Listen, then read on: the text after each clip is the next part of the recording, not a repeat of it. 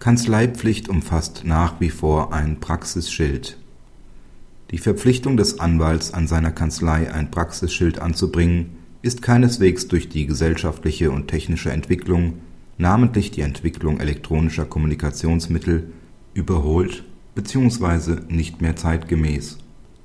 Einem Anwalt war von seiner Rechtsanwaltskammer eine Rüge erteilt worden, weil er trotz deren Aufforderung kein Praxisschild nachgewiesen hatte das Anwaltsgericht Karlsruhe erachtete die Rüge für gerechtfertigt.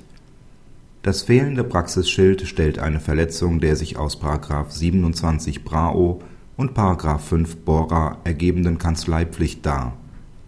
§ 5 Bora sieht vor, dass ein Anwalt die für seine Berufsausübung erforderlichen sachlichen, personellen und organisatorischen Voraussetzungen vorzuhalten hat Hierzu gehört nach der herrschenden Rechtsprechung immer noch, dass der Anwalt an seiner Kanzlei ein Praxisschild anbringt. Diese Pflicht ist nach Ansicht des Anwaltsgerichts Karlsruhe entgegen der gegenteiligen Rechtsauffassung des Anwaltsgerichtshofs München auch keineswegs durch die gesellschaftliche Entwicklung bzw. den Fortschritt bei den elektronischen Kommunikationsmitteln obsolet geworden.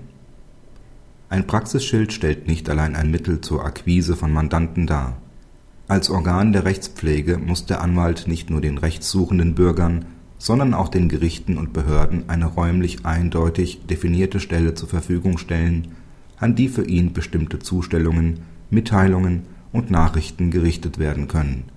Dafür muss die Kanzlei auch räumlich auffindbar sein.